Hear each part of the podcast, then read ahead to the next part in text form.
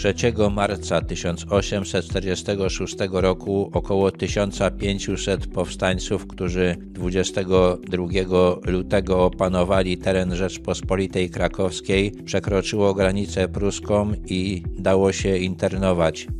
Opanowanie Krakowa było jedynym godnym uwagi osiągnięciem spiskowców przygotowujących powstanie, które miało objąć wszystkie trzy zabory. Struktury organizacyjne w zaborze pruskim i austriackim zostały rozbite. W Krakowie po ostrzelaniu oddziałów austriackich dowodzący nimi generał Kolin dał rozkaz do wycofania się i przez 10 dni Kraków był wolny 24 lutego powstał tam rząd narodowy pod przywództwem Jana Tysowskiego. Poza tym na terenie zaboru austriackiego wszystkie próby powstania zostały udaremnione w większości przez chłopów.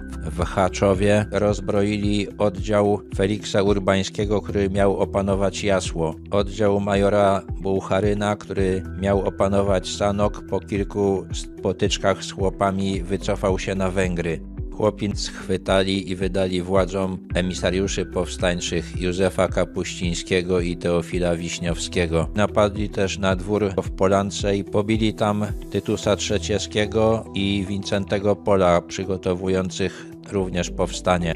Do jedynej bitwy z Austriakami doszło pod Gdowem, choć raczej należałoby to nazwać rzezią. Zginęło 154 powstańców i ani jeden żołnierz austriacki.